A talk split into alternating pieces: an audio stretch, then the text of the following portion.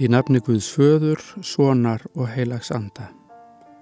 Heyrum orð úr Davíðsálmi 85, versum 7-14. Vilt þú ekki láta oss lifna við aftur svo að líður þinn geti glaðst yfir þér? Lát oss drottin sjá miskun þína og veit oss hjálpræði þitt. Ég vil hlýða á það sem að drottin Guð talar. Hann talar frið til liðsins og til dyrkenda sinna og til þeirra er snúa hjarta sínu til hans. Hjálp hans er nálag þeim er óttast hann, svo að dyrð hans megi búa í landi voru. Elska og trúfesti mætast, réttlæti og fríður kissast. Trúfesti sprettur á jörðinni og réttlæti horfir nýður af himni.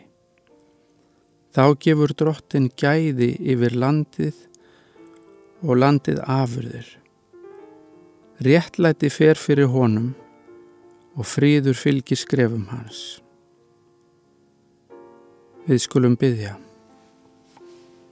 Góði Guð, við þökkum þér fyrir miskun þína og náð sem er ný á hverjum degi.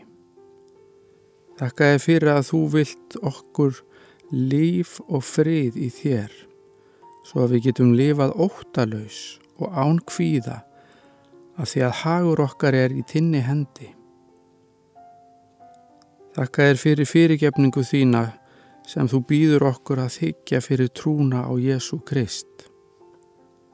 Hjálpað okkur að snúa hjarta okkar til þín og taka daglega við þeim fríði sem að þú talar til okkar. Fyltu hjarta okkar og huga með kærleika þínum.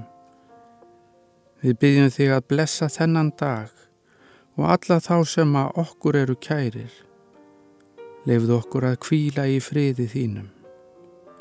Amen. Vakti mun Jésús, vaktu í mér. Vaka láttu mig eins í þér. Sálinn vaki þá sopnar líf. Sé hún ætið í þinni líf. Í Jésu blessaða nafni. Amen.